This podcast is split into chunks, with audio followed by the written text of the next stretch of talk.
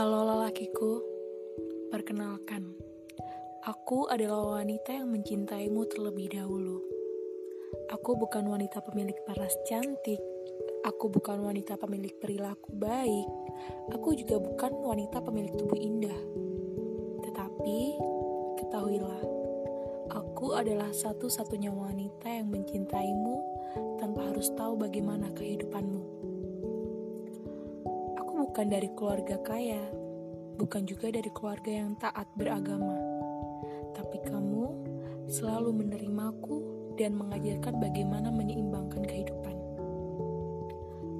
Kamu adalah lelaki pertama yang membuatku menjadi wanita kuat, wanita yang harus menguasai segala hal kehidupan.